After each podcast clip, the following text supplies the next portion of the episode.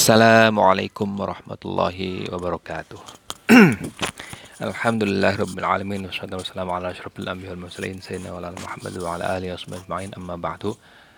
Alhamdulillah kita bertemu lagi pada pengajian Salam Taufik. Dalam hal ini kita akan membahas kitab zakat. Seperti biasa kita mulai dulu dengan baca Fatihah. Baca Semoga pengajian kita mendapatkan berkah dan bermanfaat. أعوذ بالله من الشيطان الرجيم بسم الله الرحمن الرحيم لا حضرنا من الصفار صلى الله عليه وسلم ثم جم ثم إلى جميع إخوانه من ألم المسلمين والصحابة والتابعين وإلى جميع المصنفين وإلى جميع الأولياء الصالحين خصوصا روح الشيخ عبد القادر الجيلاني ثم إلى جميع الأولياء الصحفي رضي الله خصوصا الرحيم Syekh Syarif Hidayatullah Sunan Jati Sunan Gunung Jati. Sama Syekh Nur Jati Umahku sangkan larwahi jami ahli kubur min muslimin semua mudah-mudahan masyarakat al-bukhari babar wa mahajjuha khusus arwahi abaina matina wa jadatina wa jaddatina wa la khusus khususna masyayikhina masyayikhina wa jami' al-musannifin wa jami' al-musannifat larwahi jami'i من توفي هذا اليوم جميعا من توفي بسبب كورونا فيروس لا ونخص خصوصا لا روحي شيخ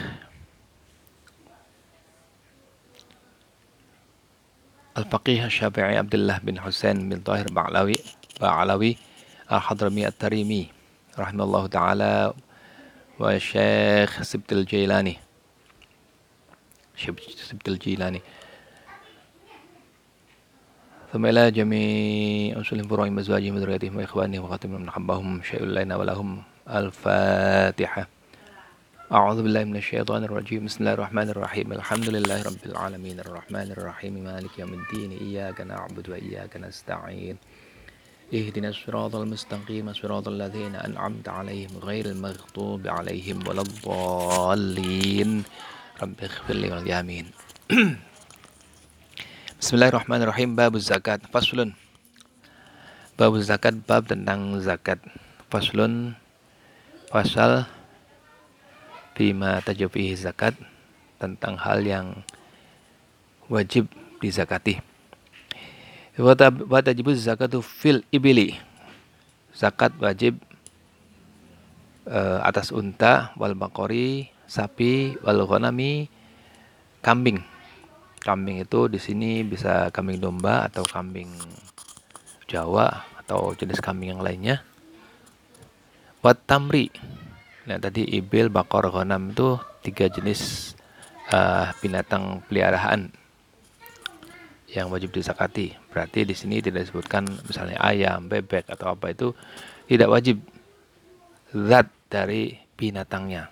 Ini nanti kalau ayam, bebek, kemudian yang lain-lainnya atau burung unta atau apalah binatang-binatang yang dipelihara itu nanti zakatnya bukan masuk ke dalam zakat dari binatangnya, tetapi zakatnya nanti zakat tijarah.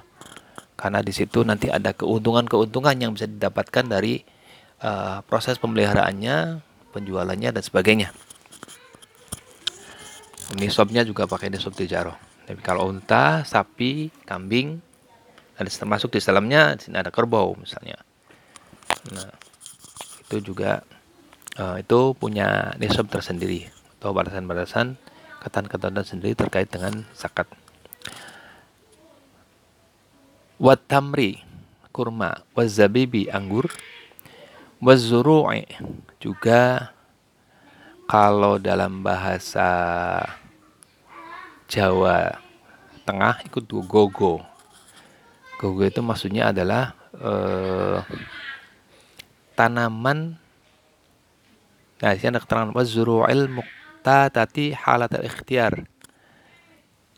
Dan tanaman yang menghasilkan uh, apa namanya? bahan makanan yang menguatkan yang bisa menguatkan halat al-ikhtiyari dalam kondisi normal. Jadi kalau misalnya dalam kondisi tidak normal itu tidak diperhitungkan. Jadi dalam kondisi normal artinya bisa jagung, bisa gandum, bisa apa namanya? uh, beras. Nah, kalau dulu zaman-zaman perang itu ada namanya bulgur. Bulgur itu olahan makanan. Ya, kalau sekarang sih bukan lagi makanan manusia ya, makanan binatang sekarang. Tapi dulu dalam kondisi miskin, Indonesia dalam kondisi miskin atau dalam kondisi uh, pacaklik dan sebagainya itu bisa menjadi bahan pangan yang menguatkan. Nah, itu kan dalam kondisi yang darurat tidak diperhitungkan. Ini yang diperhitungkan adalah dalam kondisi normal. Yang bisa dikeringkan, kemudian disimpan, digudangkan.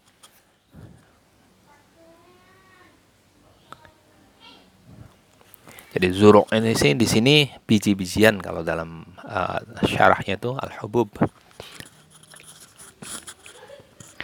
Yang pertama tadi masalah uh, apa terkait dengan binatang, kemudian tanaman. Tanaman ini tanaman itu kurma, kemudian anggur dan biji-bijian yang bisa disimpan dan dikeringkan kemudian disimpan untuk bahan makanan.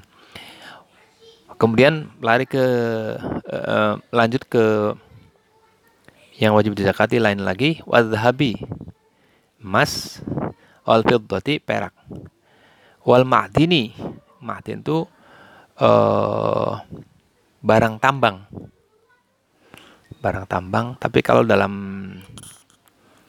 uh, syarah di sini ayat zahabi wal fiddati inda istikhrajiha man jamihima. Jadi maksudnya emas dan perak ketika dikeluarkan dari uh, tempat tambangnya. Uh, ini mungkin kitab Sulam Tafak ini di dikarang sebelum adanya misalnya tambang-tambang yang sekarang sudah banyak uh, dengan teknologi dan kemajuan zaman karena dulu itu hanya adanya hanya emas dan perak yang jadi barang berharga itu dan itu ya sampai sekarang memang emas dan emas dan perak itu menjadi uh, komoditas dan menjadi standar internasional. Walaupun pada umumnya pakainya emas. Kalau perak itu tidak begitu ini ya. Tapi uh, perak walaupun harganya jauh di emas tapi relatif stabil. Kalau emas misalnya sekarang emas apalagi sekarang emas lagi tinggi-tingginya. Satu gramnya bisa hampir satu juta nih sekarang ini.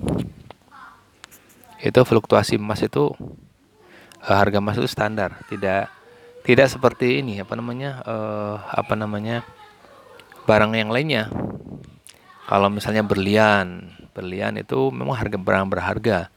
Tapi dari sisi uh, nilai barangnya itu ada nilai-nilai lain yang yang menjadi dasar kemahalannya. Misalnya uh, apa karatnya, karat itu uh, besarnya ya, volumenya itu. Kalau emas itu kan uh, karat itu hanya kadarnya saja, tapi tetap yang diperhitungkan adalah kadar murninya kalau emas itu. Jadi kalau Anda punya emas eh, kadar murninya itu eh, di bawah 24 karat, misalnya misalnya campuran dengan apa ya, ya dihitung yang dihitung adalah kadar murninya, bukan campurannya. Warikazi min huma barang temuan. Rikas itu barang temuan kalau sekarang sih biasa disebut dengan harta karun. Artinya barang temuan tapi di sini di dibatasi min huma dari emas dan perak. Nah, kemudian yang terakhir amali tijarah dan uh, harta dagangan. Harta dagangan inilah yang akan menjadi dasar untuk uh, zakat bagi komunitas lain selain emas perak uh, binatang uh, tumbuh-tumbuh apa tadi anggur kemudian apa namanya kurma biji-bijian tadi. Nah ini nanti masuknya ke barang dagangan. Kemudian lain lagi berbeda dari harta, tadi masuk ke wal dan juga zakat fitrah. Nah ini uh, bab ini menjelaskan tentang zakat secara keseluruhan ya. Ada yang zakat yang sifatnya barang binatang, tumbuh-tumbuhan, kemudian dari barang berharga itu emas dan perak, kemudian dari barang temuan dalam uh, harta karun lah, gampangnya ngomong itu. Kemudian barang dagangan. Kemudian dilanjutkan dengan zakat fitrah. Nanti masing-masing punya punya ketentuannya masing-masing. Di ini di pasal pertama ini menjelaskan seluruh yang wajib dibesakati. Faslun fi zakatil mawashi. Nah, ini pasal selanjutnya tentang zakat binatang ternak. Wa awalun nisabil ibili khamsun. Nisab awal dari unta adalah lima ekor. Wa minal baqari salasuna. Dan sapi itu 30. Wa minal ghanami arba'una. Kambing itu 40 ekor. Fala zakat qabla dzalika. Tidak ada kewajiban zakat sebelum mencapai jumlah tertentu tersebut. Jadi kalau unta baru punya 4 nggak wajib zakat. Sapi baru mencapai 29 misalnya belum belum wajib zakat. Kambing baru mencapai 39 belum wajib zakat. Apalagi kurang dari itu. Artinya nisab itu hitungan awalnya. Makanya di sini disebut wa awwal nisabil nisabin awal dari nisabnya. Nanti ada perhitungannya, ada kelipatan dan sebagainya, nanti ada perhitungannya.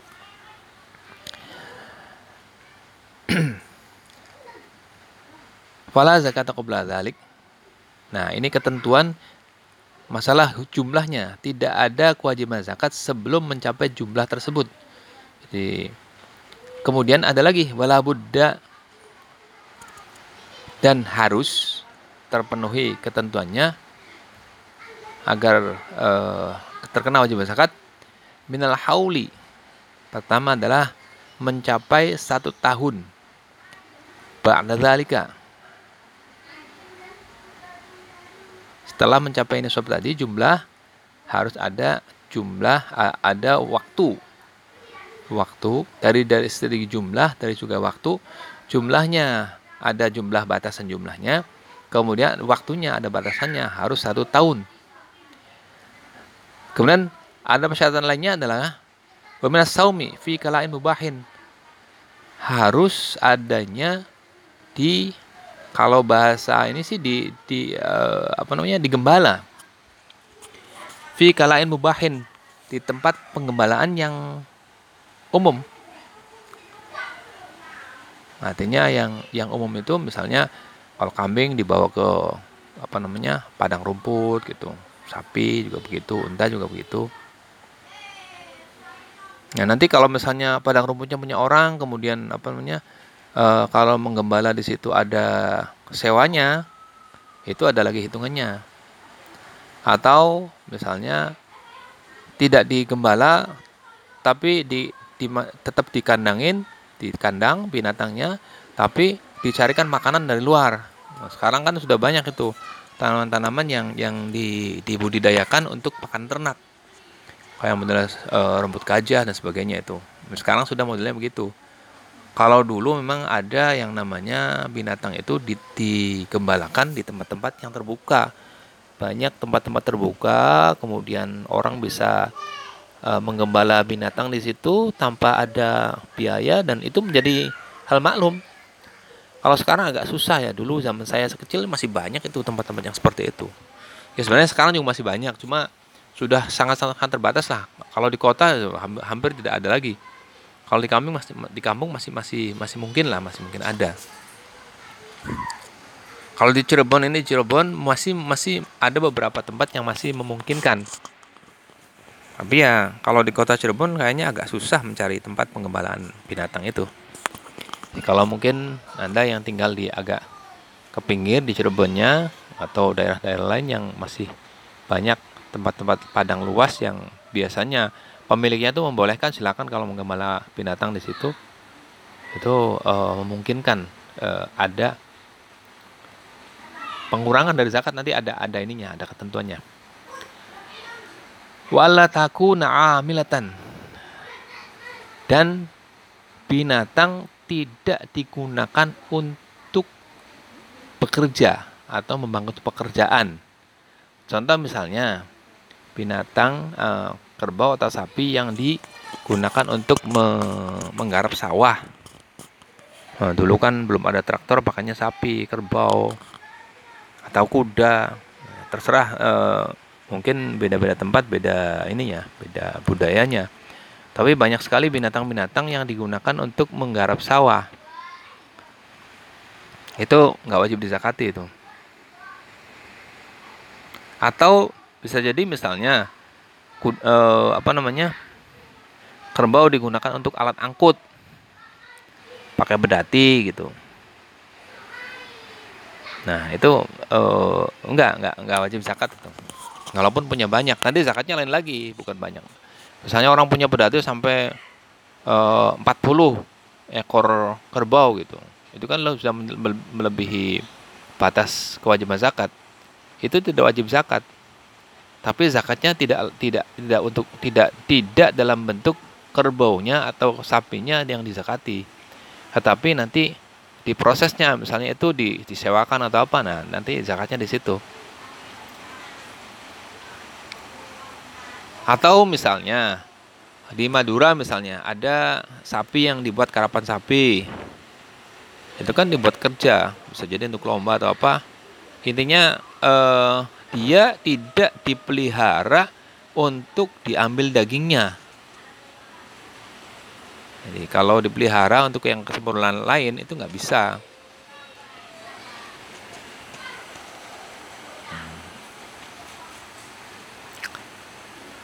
Kemudian uh, fayajibu fi khamsim minal ibili. Wajib zakat dalam lima ekor unta syatun. Seekor kambing domba. Wafi arba'ina minal ghanami.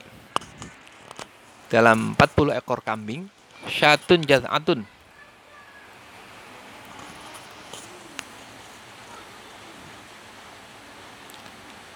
atau jaza'al do'nin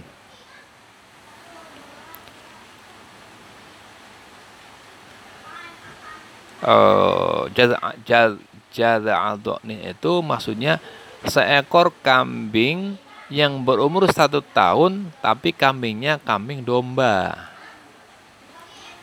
Nah, kenapa dibedakan ausannya tuh masin atau uh, yang umur dua tahun yang kambing kambing kambing ini kambing Jawa biasanya.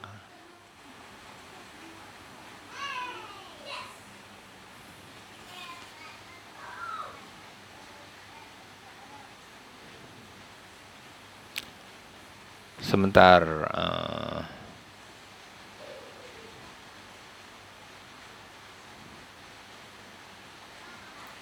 ini penjelasan tentang syaitan minal ghurami.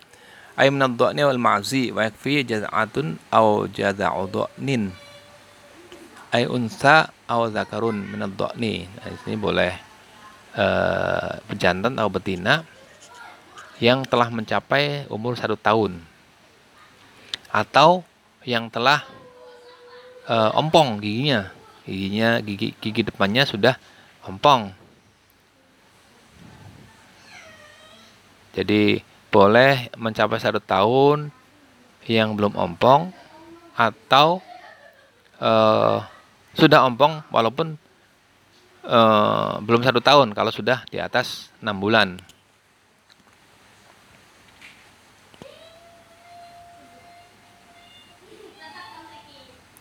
Jadi kalau domba itu memang satu tahun, memang domba perkembangannya beda dengan kambing Jawa ya. Kalau domba itu uh, satu tahun itu sudah besar mungkin. Makanya 40 ekor kambing itu wajibnya domba. Tapi kalau untuk uh, apa namanya untuk kambing kambing Jawa kambing kambing ini ya kalau di Indonesia kan ada jenis dua kambing itu. Ada kambing domba yang berbulu atau kambing yang tidak ada bulunya tuh yang biasanya uh, telinganya itu tidak berdiri. Kalau domba kan agak berdiri ya. Kalau kalau itu uh, telinganya tuh uh, apa menggantung itu. Jadi bedanya itu kalau kalau domba itu lebih lebih cepat besar dan nilainya lebih mahal lah. Makanya umurnya umur juga menentukan untuk kewajiban zakat ini. Fala zakat qabla dzalik. Eh, eh. Bentar.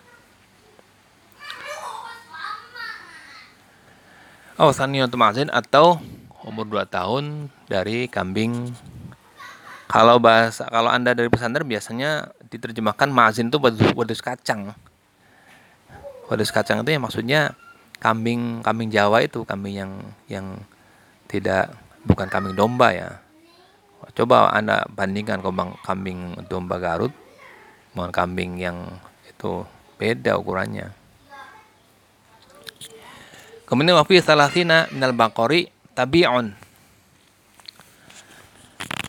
pada 30 ekor sapi wajib seekor anak sapi. Kalau bahasa Jawanya itu pedet. Anak sapi ya.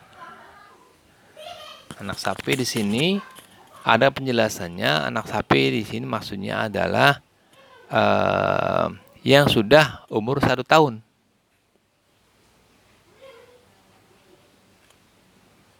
Gitu. Yang jelas kalau sapi, kalau kambing kan 40 ekor wajib kambing satu ekor. Kalau sapi 30 ekor hanya anaknya. Kalau satu ekor sapi ya ke kemak ke anu kebanyakan. Thumma in zarat ma syatuhu ala dzalika wajib 'alaiha ay yata'allama ma aujahu ma aujabahu Allah taala alaihi fiha. Thumma in zarat ma syatuhu apabila binatang ternaknya bertambah da ala zalika dari jumlah yang disebutkan tadi wajib alaihi ayat ta'allama maka wajib bagi muzaki ayat ta'allama ma aujabahu Allah taala agar belajar apa yang mempelajari apa yang diwajibkan kepada kepadanya. Wajib Allah eh, diwajibkan kepadanya tentang zakat. Kalau di dalam takrib Anda belajar ini kan sulam tahfid kalau di Fathul Qorib atau takrib matan khayat takrib itu dijelaskan. Kalau sapi nanti kalau kambing dari 40 ke 60 berapa ke 80 berapa dan ke 100 berapa? Ada urutannya. Lebih rinci di takrib itu. Kalau di sini tidak. Dia cuma menyebutkan unta 5 sapi uh, kambing 40 sapi atau kerbau itu 30 cuma itu aja. Makanya di sini penjelasannya apabila nambah dari situ si muzaki suruh belajar sendiri. Ya termasuk anda. Anda juga kalau ingin belajar lebih banyak ya nanti belajar di kitab lain jadi ini hanya mengenalkan bahwa ada kewajiban zakat terhadap binatang ternak itu aja. Jumlahnya minimal sekian. Kemudian fasl fi zakat zuru' pasal tentang zakat uh, tanaman. Famat tamru wa zabib wa zuru'u fa awal nisabiha khamsatu awsuqin. Uh, untuk kurma, anggur dan biji-bijian awal dari sob wajib zakatnya adalah lima wasak. Wahiyah salah mi'ati so'im biso'ihi alaihi salatu wassalam. Yaitu 300 sok dengan sok nya Nabi Muhammad Shallallahu Alaihi Wasallam. Nah ini yang agak repot nih bagi anda yang uh, belum paham tentang hitung-hitungan takaran itu agak susah.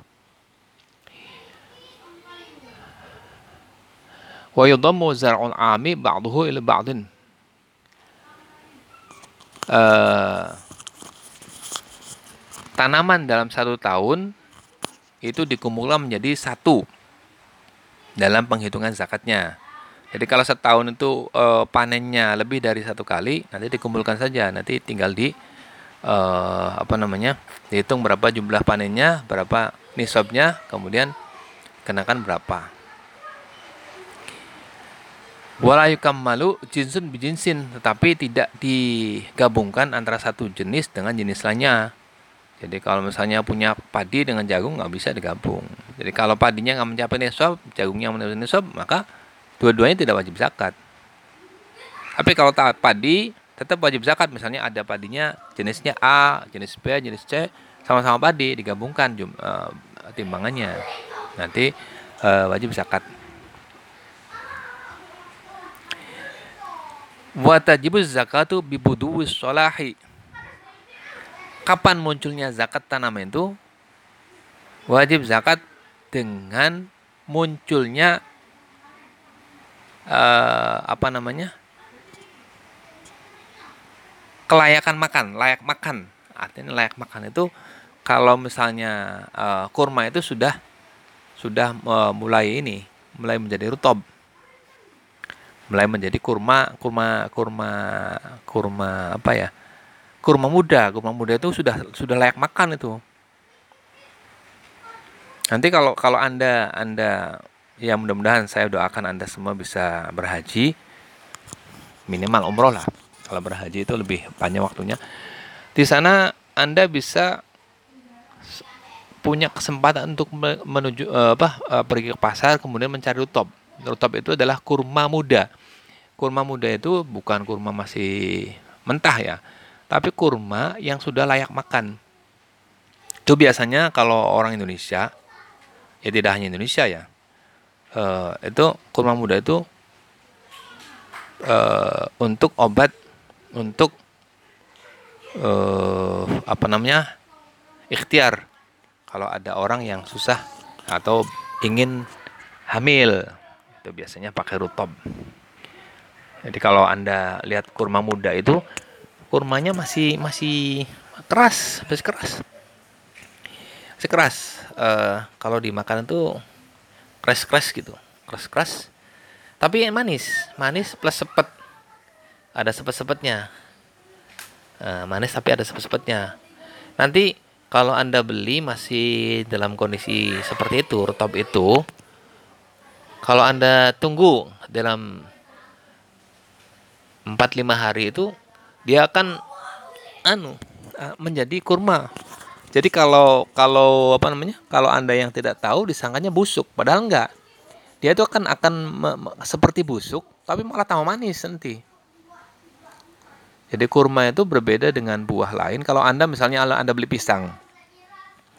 Anda beli pisang itu biasanya kalau sudah mateng misalnya masih, masih keras. Kemudian mateng gitu. Setelah mateng kan tambah tambah apa? Uh, hitam kan? Tambah hitam, kemudian busuk. Nah, kalau kurma enggak. Dia tuh nanti tambah hitam begitu, bukan busuk, malah tambah enak, tambah manis. Ya, nantilah hanya saya doakan Anda semua bisa dapat rezeki, bisa berhaji. Nah, rezeki berhaji itu ya apakah Anda bisa menabung atau ada dapat hadiah atau apalah pokoknya Anda bisa berhaji lah intinya.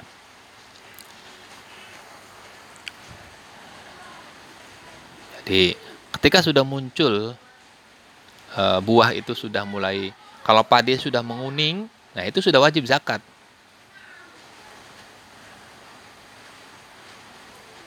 Jadi sebelum panen ya. Washtidadil habbi. Dan me, apa, mengerasnya biji. Jadi bijinya sudah mulai keras, sudah berisi. Nah, jadi itu mulai wajib zakatnya. Bukan panennya ya. Jadi mulai zakatnya kewajiban zakat itu dari situ. Nah, ketika panen kan sudah proses penghitungan penimbangan penakalan kemudian wajibu fihal usyur di dalam uh, tanaman zuru. Zuru uh, apa? Tamar zabib zuru. Wajib zakat 10% illam tusqa bimu'natin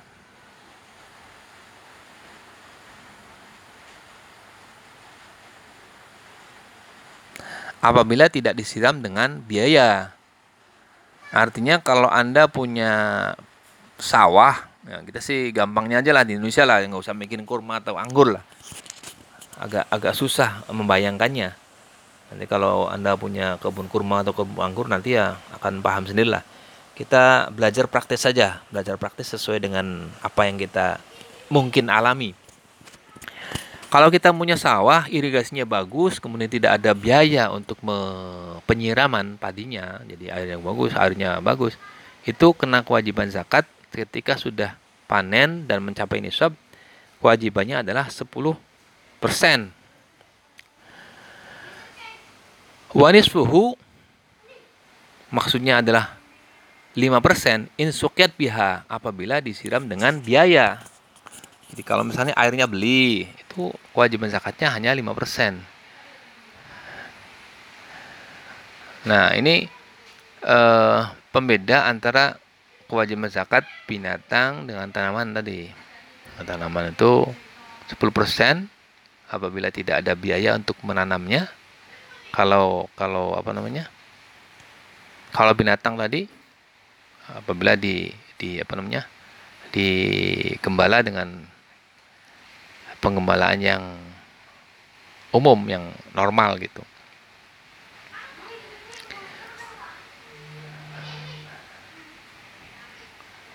Wa ma zada 'ala nisabi ikhruja minhu.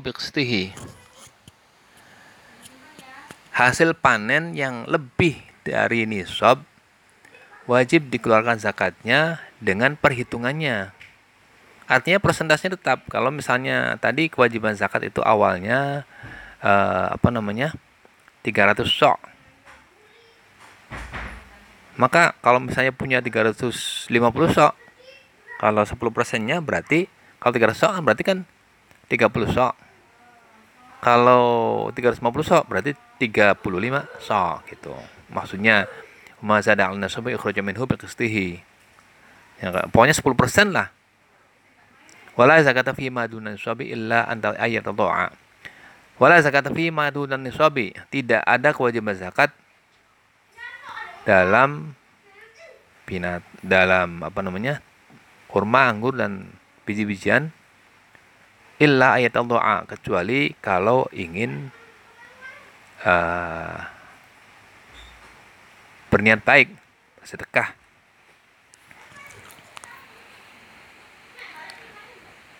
Dan ini pasal selanjutnya Faslun fi zakatin nakdain.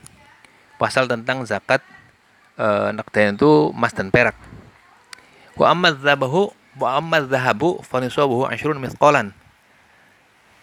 Oh ya, ini sebelum sebelum apa namanya? sebelum sampai ke selanjutnya nanti saya akan WA setelah saya kirim file ini ada tulisan teman saya dari UIN Jakarta tentang zakat fitrah di situ ada nisabnya nisabnya adalah so ada ada ukuran-ukuran itu nanti anda bisa bisa perhitungkan lah bisa sama-samakan bisa kiaskan baik kita lanjut wa amma dhahabu fa niswahu 20 mithqalan zak uh, emas nisabnya adalah 20 mithqal wal fiddatu mi'ata dirhamin. Untuk emas untuk perak adalah 200 dirham. Wajib fihi ma rubu'ul usyur. Wajib zakat pada emas dan perak rubu'ul usyur. Rubu'ul usyur itu kalau bahasa ini kalau Anda bahas, ngaji bahasa Jawa, seprapate poro puluhan. Dulu dalam waktu waktu saya ngaji seperempatnya poro puluhan itu apa nggak paham ya.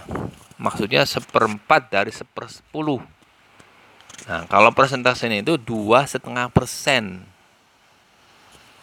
nah gampangnya ya rubul usyur itu emas dan perak wajib zakatnya dua dua setengah persen sama dengan uh, nanti uh, harta dagangan itu uh, pakai nisabnya nisab emas dan perak dua setengah persen. Wama zada hisabihi. Kelebihan dari kewajiban dari batas minimum tadi maka diperhitungkan. Intinya zakatnya minimal kalau emas itu isyruna mithqal 20 mithqal, emas itu perak itu 200 dirham, wajibnya setengah persen. Kalau lebih dari uh, 20 mithqal atau wajib dari wajib lebih dari 200 dirham, maka hitungannya pokoknya setengah persen. Wala buddha fihi minal hauli dan kewajiban zakat dalam emas dan perak harus mencapai satu tahun. Illama hasolat illama hasola mim ma'din aurikazin kecuali yang dihasilkan yang diperoleh dari uh, apa namanya tambang atau dari uh, harta temuan harta karun atau temuan lah anda misalnya tiba-tiba nemu batu zaman zaman kapan gitu. Batu berbentuk kepala kerbau ada uh, dalam bentuk emas beratnya satu kintal. Nah, itu wajib itu wajib zakat.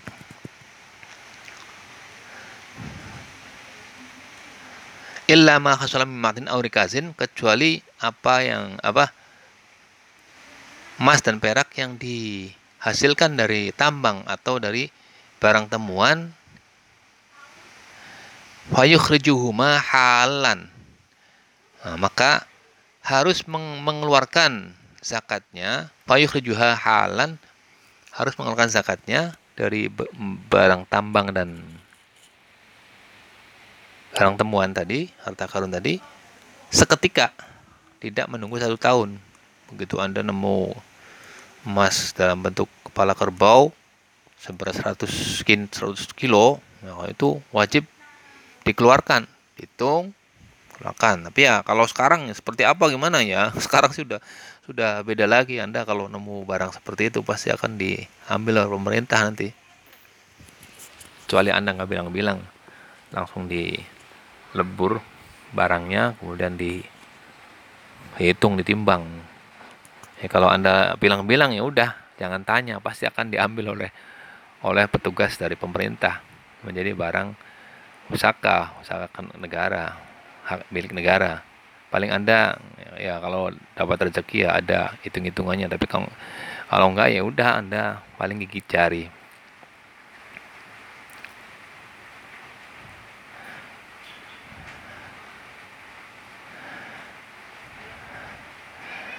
Nah, wafil ma'dini rubul usyur. Kalau untuk barang tambang itu 2,5% sama dengan emas, perak, tapi bedanya kalau tadi emas dan perak yang uh, simpanan itu harus mencapai satu tahun, tapi kalau dari tambang dibayar langsung, tapi uh, nisabnya adalah uh, apa kewajiban zakatnya 2,5%. Wafir dikasih khumus. Dari barang temuan, kalau Anda nemu tadi, kepala kerbau dalam bentuk emas beratnya satu kintal 100 kilo maka kewajibannya adalah 20 persen 20 persen itu seperlima al-khumus seperlima 20 persen. 20 persen dari 100 kilo ya berarti ya 20 kilo. Wah anda dadak dadak kaya raya. Faslun fi zakatid jarah pasal tentang zakat uh, perdagangan. Amma zakatu tijaratu fa nisabuha nisab masturiyat bihi minan naqdaini. Zakat barang dagangan nisabnya adalah nisab barang yang dibeli minan naqdaini dari emas dan perak. Wala yu'tabaru illa akhirul hauli dan tidak diperhitungkan kecuali pada akhir tahun akhir mencapai satu tahun.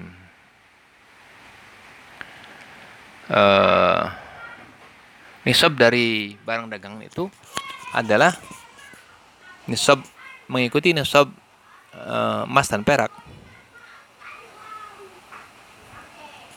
Artinya tadi uh, apa namanya kewajiban nisabnya adalah uh, 20 miskol atau 200 dirham. Nanti anda coba cari sendiri. Kalau uh, apa namanya uh, sekarang sudah sudah hitungannya sudah nggak seperti ini. Ini sulam tafak ini sangat sangat tradisional beda dengan uh, no sangat tradisional kemudian penjelasannya sangat simpel sederhana tidak uh, tidak kompleks. Jadi fikihnya hanya fikih sifatnya pengenalan. Makanya anda harus ngaji lagi selain taufik ini supaya bisa lebih paham.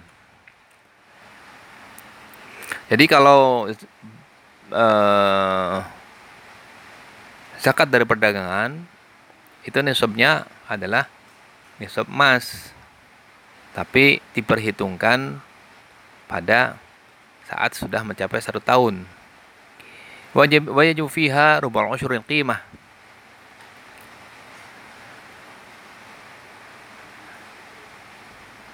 Uh, kewajiban zakat dalam barang dagangan adalah dua setengah persen dari harga. Harganya berapa? Jadi dihitung berapa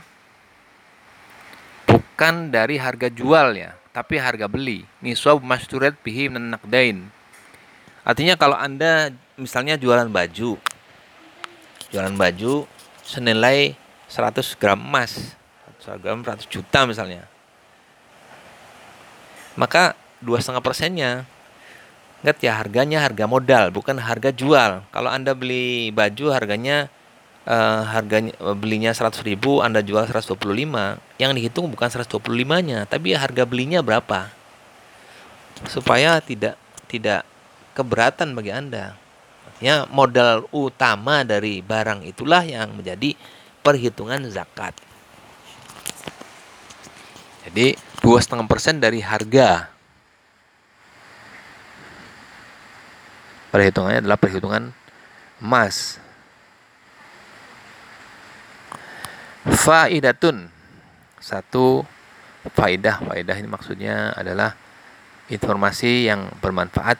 Wa mal ini harta dari dua orang yang bersekutu.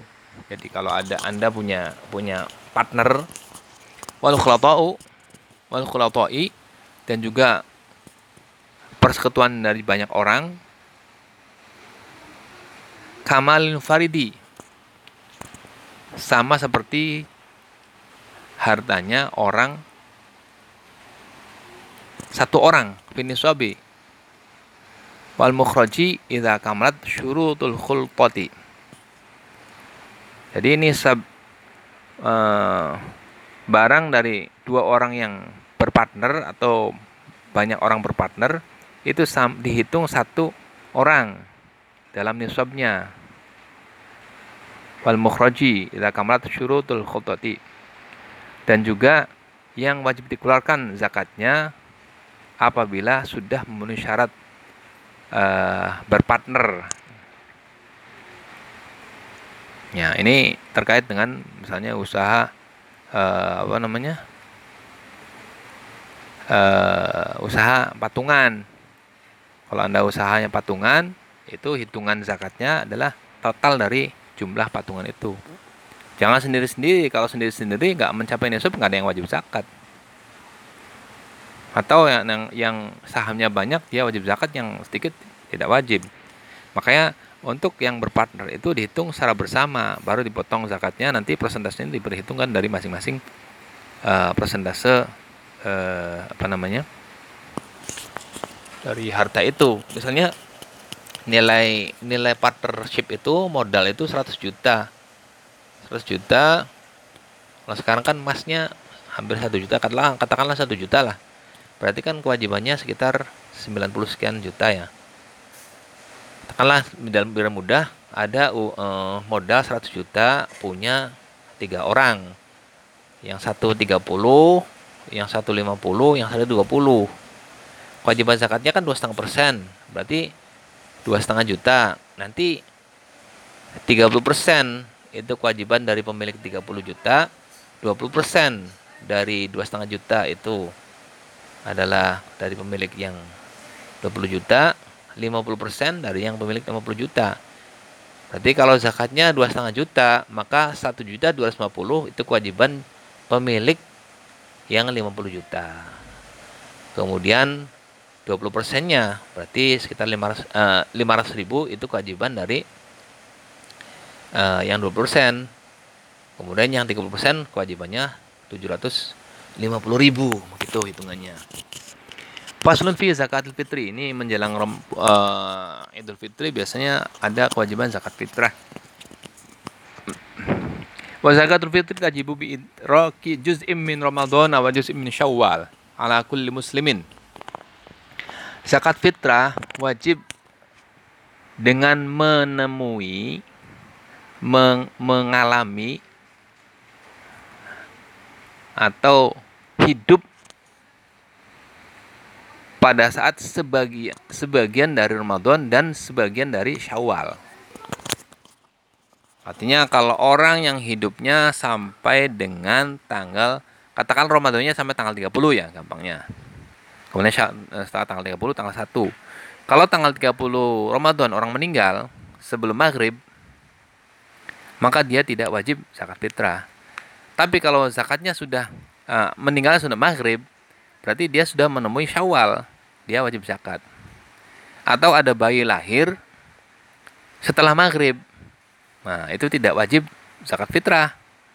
Kalau bayi itu lahir jam 5 tanggal 30 Ramadan, maka dia wajib zakat.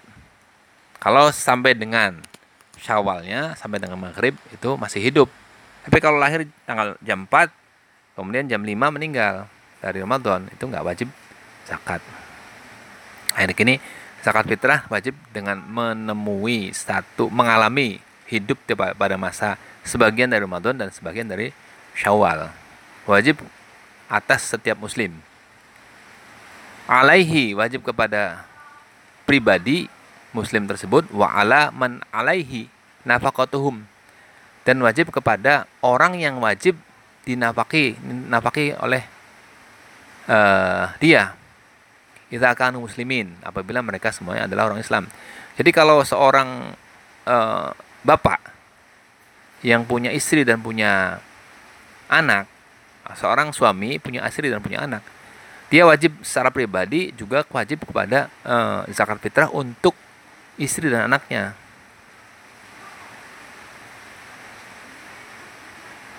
Dengan syarat semuanya adalah muslim. Kalau yang muslim kan nggak wajib, wajib zakatnya. Ala kulli wahidin wajib bagi setiap individu sa'un min ghalibi qutil balad. Satu sok dari makanan yang umum pada suatu daerah. Jadi kalau umumnya makan beras, makan nasi beras, ya berarti wajibannya zakat eh, beras. Kalau dia gandum, ya gandum. Kalau anggur, ya anggur. Ya, seperti itulah. Tapi kayaknya bukan emang anggur sih bukan makanan ya. Kalau kurma misalnya. Makannya kurma, ya wajibnya kurma. Idza fasrat an dainihi wa kiswatihi wa maskanihi wa qutihi wa quti man alaihi nafaqatuhum yaumal aid wa lailatuhu. Idza fadalat apabila sudah melebihi dari utangnya, pakaiannya, tempat tinggalnya, wakutihi kuwa, uh, apa kecukupan untuk makannya wakutiman alaihi nafaqatuhum dan cukup untuk memberi makan orang yang menjadi wajib, uh, wajib dinafahi pada hari yaumul aidi walayatihi pada hari raya dan malamnya. Jadi kewajiban zakat itu apabila harta yang dimilikinya itu mencukupi dan lebih dari utangnya kiswatihi misalnya maksudnya bajunya. Kalau nggak punya baju ya harus punya baju harus beli baju gitu. Oh, mas kanihi mas kanihi kalau nggak punya rumah misalnya ngontrak. Berarti harus dihitung. Juga makanya intinya sih kewajiban zakat fitrah itu bagi orang yang sudah memenuhi sandang pangan papan pada saat malam lebaran dan hari lebaran. Malam idul fitri dan hari idul fitri. Jadi kalau kurang dari itu berarti dia nggak wajib zakat. Ya, selagi masih cukup berarti wajib zakat.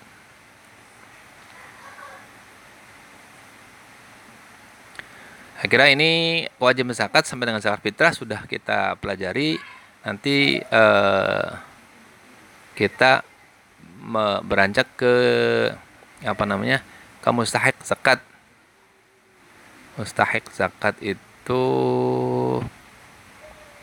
Panjang nggak ya? Oh ya kita lanjut aja sampai dengan mustahil zakat. Nanti setelah ini eh, pembahasan tentang puasa. Faslun fi mustahik zakat, pasal tentang mustahik zakat.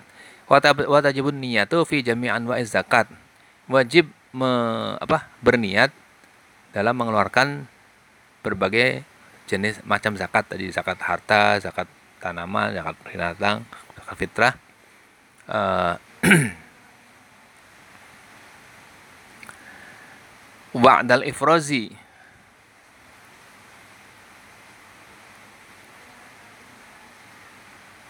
apa ya ifroz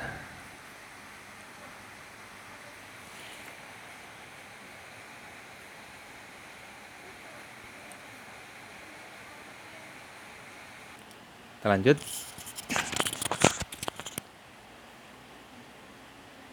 Wajibun niyatu fi jami'in anwa' zakat. Wajib niat pada setiap jenis zakat ba'dal ifrozi setelah dilakukan pemisahan. Artinya kita ambil kalau misalnya emas dua setengah persen zakat fitrah sudah ditakar atau dari padi sudah ditimbang ya setelah dipisahkan wajib di di uh, di niati zakat.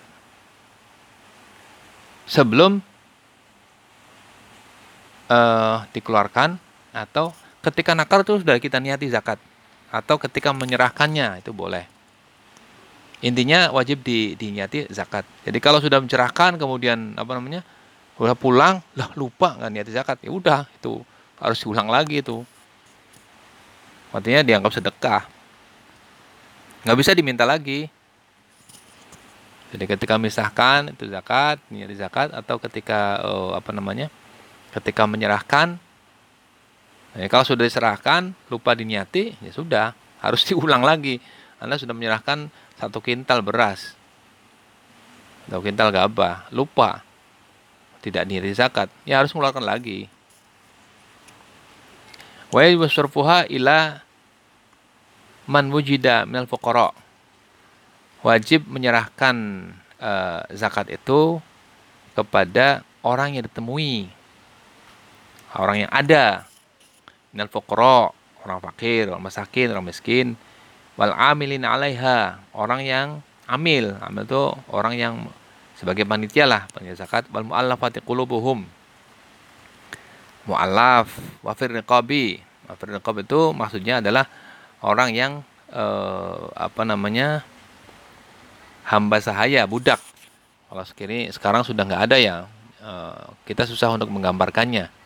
Wal wal orang yang punya utang Afi sabilillah uh, juga kepada sabilillah sabilillah itu artinya di sini uh, kalau dulu sih Zabillah tuh banyak orang yang misalnya ikut perang dengan Nabi itu Sabilillah. Nah, sekarang bagaimana untuk me, me, apa, menentukan siapa itu Sabilillah? Sabilillah sekarang itu berbeda dengan orang dulu biasanya. Biasanya ya. Kalau sekarang itu Sabilillah tuh dikasih ke kiai atau ke mahasiswa, ke santri, itu Sabilillah sekarang tuh seperti itu.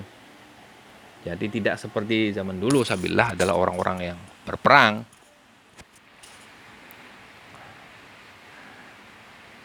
Pabnis Sabil. Ya, kenapa kiai itu dianggap Sabilillah? Karena mereka itu berjuang di jalan Allah. Nah sekarang udah nggak ada perang.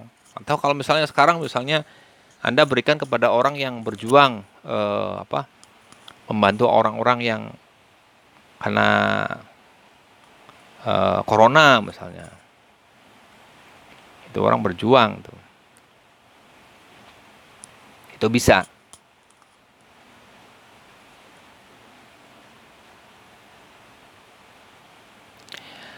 Ibnu Sabil, Ibnu Sabil itu orang musafir.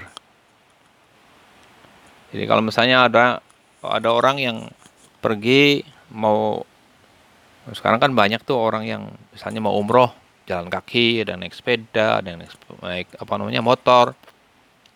Nah kemudian dia ingin umroh. Nah itu boleh tuh anda ini. Atau Ibnu Sabil sekarang bisa diartikan juga dengan anak kos. Dia pergi mau menuntut ilmu ya, jadi ini Ibnu Sabil dan Sabilillah itu biasanya itu sekarang dialihkannya kepada orang-orang yang membutuhkan dari orang-orang yang berjuang mencari ilmu atau mengajarkan ilmu. Wala yajuzu wala yujzi'u sarfuha ila ghairihim. Tidak boleh, wala tidak boleh, wala dan tidak mencukupi, artinya tidak sah. Sarfuha ila ghairihim menyerahkan atau me, menyerahkan zakat kepada selain dari uh, delapan asnaf tadi. Jadi kalau misalnya asal ngasih ke orang nggak boleh itu. Ini karena itu sudah ada ayatnya pasti innamal inna innamas sadaqatul masakin itu ada. Uh, tuh. Saya kira uh, penjelasan dari zakat ini di kitab Sulam Tafek cukup simpel, sangat simpel dan sederhana dan Anda harus menggali lagi dari banyak sumber untuk nisabnya, untuk uh, apa uh, apa tentang hitung-hitungannya, tentang apa namanya uh, uh, mustahiknya dan sebagainya. Baik, terima kasih. Mudah-mudahan uh, kita belajar apa yang kita pelajari ini bermanfaat, bisa kita amalkan dan menjadi bekal ketika Anda kita semua hidup di masyarakat. Pertama, kita sekarang sedang menghadapi uh, cobaan adanya virus corona ini. Mudah-mudahan bisa menjadi kan kita lebih kuat lagi lebih baik lagi, lebih taat lagi pada Allah, apalagi kita di bulan Ramadan ini. Dan mudahan kita menjadi berkah bagi kita semua. Terima kasih. Kita akhir dengan subhanakallahumma wa bihamdika asyhadu an la ilaha illa anta astaghfiruka wa atubu ilaik. Wa sallallahu ala sayyidina Muhammad wa ala alihi wa baraka wa sallam. Subhana rabbika rabbil izzati amma yasifun wa salamun alal mursalin walhamdulillahi rabbil alamin. Assalamualaikum warahmatullahi wabarakatuh.